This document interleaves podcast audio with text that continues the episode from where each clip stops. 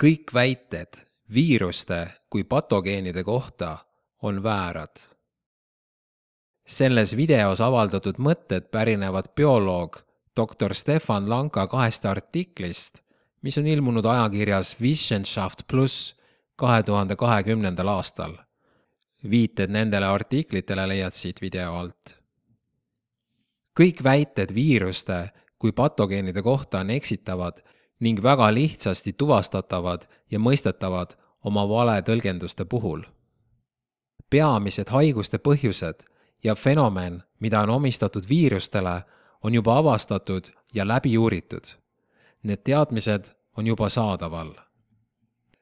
kõik teadlased, kes arvavad, et nad töötavad laboratooriumites viirustega, tegelevad tegelikult tüüpiliste spetsiifiliste surevate kudede või rakkude osakestega, mis olid valmistatud erilisel viisil. Nad usuvad, et need koed ja rakud on suremas, sest need olid nakatunud viiruse tõttu. reaalsus on aga see, et need ettevalmistatud koed ja rakud on suremas sellepärast, et neid näljutati ja mürgitati laborieksperimentides. peamine põhjus, miks viroloogid usuvad viiruste eksistentsi, peitub selles, et nad lisavad väidetavalt nakatunud verd, sülge või muid kehavedelikke kudede ja rakkude kultuuri pärast toiteainete väljatõmbamist ragukultuurist ja mürgitamise alustamist antibiootikumidega. ma rõhutan, et just see on minu peamine murekoht. Nad usuvad, et ragukultuur on siis viiruse poolt tapetud. võti on aga see, et kudede ja rakkude surm toimub samasugusel viisil ka siis, kui ühtegi jutumärkides nakatunud geneetilist materjali pole üldse lisatud. viroloogid pole seda fakti paraku märganud. selleks, et kinnitada uudset avastatud meetodit, mida kutsutakse nii-öelda viiruse levimiseks, selleks, et näha, kas meetod pole ise põhjustanud või võltsinud tulemust, oleks teadlane pidanud tegema lisaeksperimente, mida nimetatakse negatiivse kontrolli eksperimendiks, kus nad lisaksid steriilseid aineid või teisi aineid tervetelt inimestelt ja loomadelt rakukultuuri jaoks. see on loomulikult selleks, et kontrollida, kas meetod tagab vajaliku tulemuse või võltsib tulemusi. selliseid kontrollitud eksperimente pole ametlik teadus kuni tänaseni kunagi läbi viinud. leetrite katsete ajal andsin sõltumatule laboratooriumile loa läbi viia kontrollkatseid ja tulemus oli see, et koed ja rakud surid labori tingimustes samasugusel viisil nagu siis, kui nad puutuvad kokku väidetava jutumärkides nakatava materjaliga. eesmärk on juhtida eksperimenti sel viisil, et jätta välja rakendatud metoodika või tehnika, mis näitab tegelike tulemuste võimalikkust. kontrollkatsed on teaduses kõige suurem kohustus ja vundament, veendumaks, et iga järeldus oleks teaduslik. leetrite katsete ajal mängis võtmerolli doktor Podbilski, kes nõudis, et dokumendid, mis on niivõrd olulised viroloogia teaduse jaoks, ei sisaldaks mitte ühtegi kontrollkatset. sellest saame järeldada, et austatud teadlased on tegutsenud täiesti ebateaduslikult, seda ise märkamata.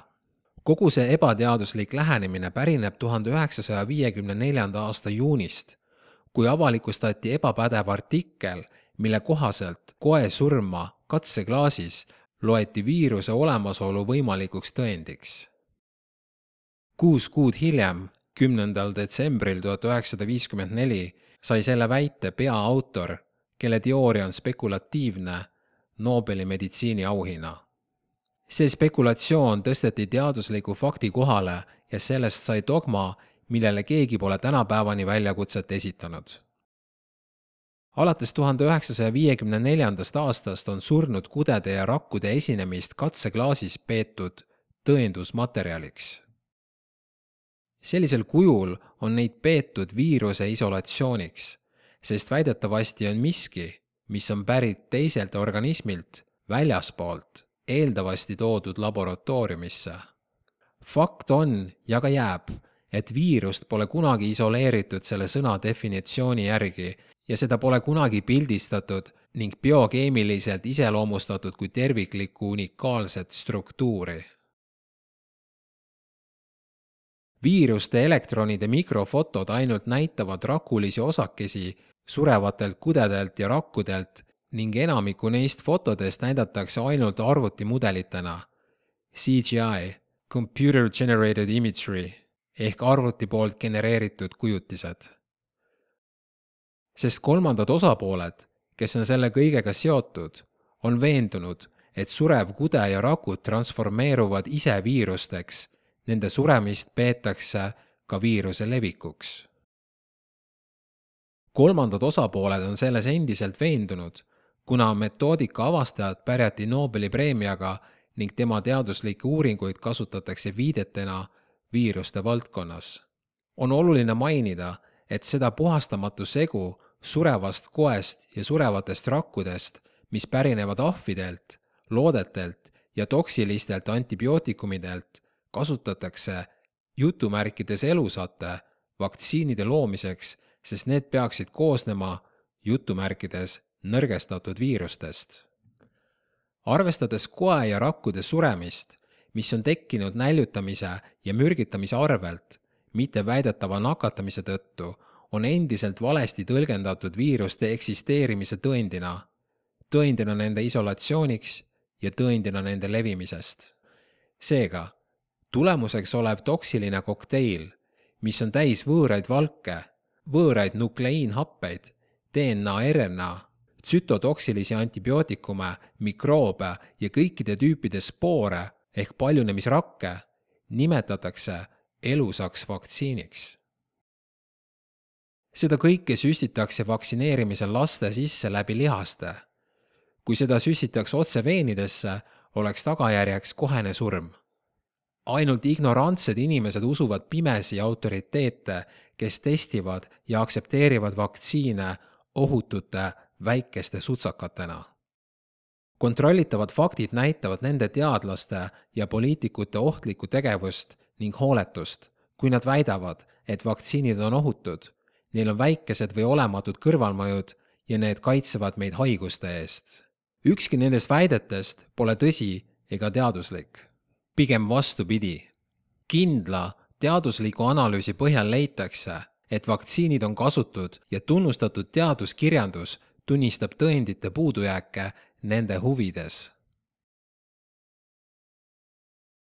On tähtis mainida, et ei leidu ühtegi tõestust, et bakterid põhjustaksid mingisugust haigust samuti. Nad on kindlasti olemas haiguslikus protsessis, nagu tuletõrjujad, kes kustutavad tuld. bakterid ei põhjusta haigust, vaid pigem osalevad bioloogilises tähenduslikus reparatsiooniprotsessis selleks, et bakterite teooria ei süvendaks ohtlikku arengut, nagu olid juhtumid AIDSi, BSC, SARSi, MERSi, koroona ja teiste linnugrippidega ega viiks koguni senise elukorralduse kokkuvarisemiseni, ma viisakalt palun kõiki inimesi, kes nüüd avastavad fakte väidetavate jutumärkides mitteeksistentsiaalsete viiruste kohta, et arutleda sel teemal objektiivselt ja mitte emotsionaalsel viisil. Väike hulk ekstreemseid elitaarseid inimesi, kes on irdunud meie maailma reaalsusest, omavad kontrolli, et otsustada, mis on teadus ja mis ei ole. Need inimesed eelarvamuslikult defineerivad jutumärkides teaduslikke meetodeid ja metoodikaid ning represseerivad igasugust teadmist, mis vastandub nende vaadetega. rääkides eelretsensiooni praktikast teaduslike uuringute hindamisest enne avalikustamist, ennetavad need selliste uuringute avalikustamist, mis lükkavad ümber nende ideed ja dogmad rahvale avalikult kättesaamiseks. vastus järgnevale küsimusele on võti, et teha lõpp koroonakriisile. kas uue viiruse olemasolu on üldse tõestatud või on inimkehas olevaid kaasasündinud geenijärgnevusi valesti tõlgendatud viiruste osakestena. Et ületada see oluline vastuolu, viroloogid justkui häbistavad kahte tähtsat teaduse reeglit. esimene on see, et teadlased peavad ise üle kontrollima kõik väited. teiseks on see, et kõik eeldused ja metoodikad peavad olema üle kontrollitud kontrollkatsetega. kui nad oleksid läbi viinud kontrollkatseid, siis nad oleksid aru saanud, et kõik lühikesed geenijärgnevused, mis on kombineeritud, et moodustada viraalne geeniahel, on tegelikult inimese ainevahetuse produkt ja ei pärine mingilt eeldatavalt väliselt viiruselt. praegune testimise meetod testib spetsiifilise geneetilise materjali olemasolu. küll aga geneetilised järgnevused, mida kasutatakse mudelina selliste testide jaoks, pole isoleeritud viirusest. Teadlased isoleerivad tüüpilisi geenijärjestusi, mis on vabanenud surevatelt rakkudelt ja kudedelt. Need lühikesed geenijärjestused mis on inimese ainevahetuse protsesside komponendid, on edaspidiseks vundamendiks laboratooriumi töös. arvutiprogrammide abiga konstrueerivad viroloogid jutumärkides kontseptuaalselt pikemaid RNA või DNA kiudusid mitmetest isoleeritud väikestest geenijärjestustest. Neid konstrueeritud RNA või DNA kiudusid on nimetatud siis tegelikeks viraalseteks kiududeks. see on põhjus, miks nii palju terveid inimesi saavad ikka ja jälle positiivse testi tulemuse.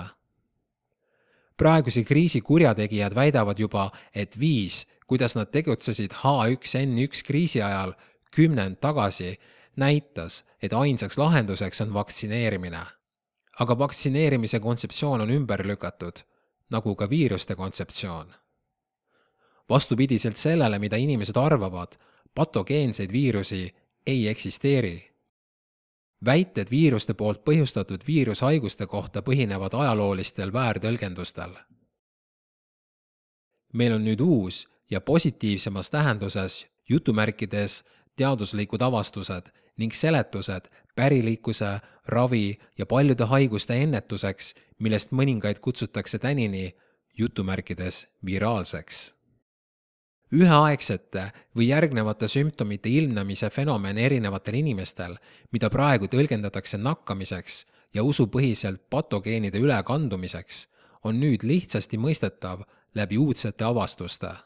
seega on meil nüüd uus vaade elule, mis on tegelikult vana vaade ja kosmoloogiliste bioloogiliste protsesside integratsioon. see jutumärkides uus, aga tegelikult taasavastatud perspektiiv võib pärineda ainult väljaspoolt ametlikku jutumärkides teadust. üks põhjus on see, et inimesed, kes on seatud teaduslike institutsioonidega, ei täida oma esmast, kõige olulisemat teaduslikku kohustust. alati kahelda ja esitada kõige kohta küsimusi. vastasel juhul oleksid nad juba avastanud väärtõlgendused, mis on kestnud juba väga pikka aega ning jäänud dogmaks jutumärkides tänu ebateaduslikule tegutsemisele aastatel tuhat üheksasada viiskümmend kaheksa, tuhat üheksasada viiskümmend kolm ja tuhat üheksasada viiskümmend neli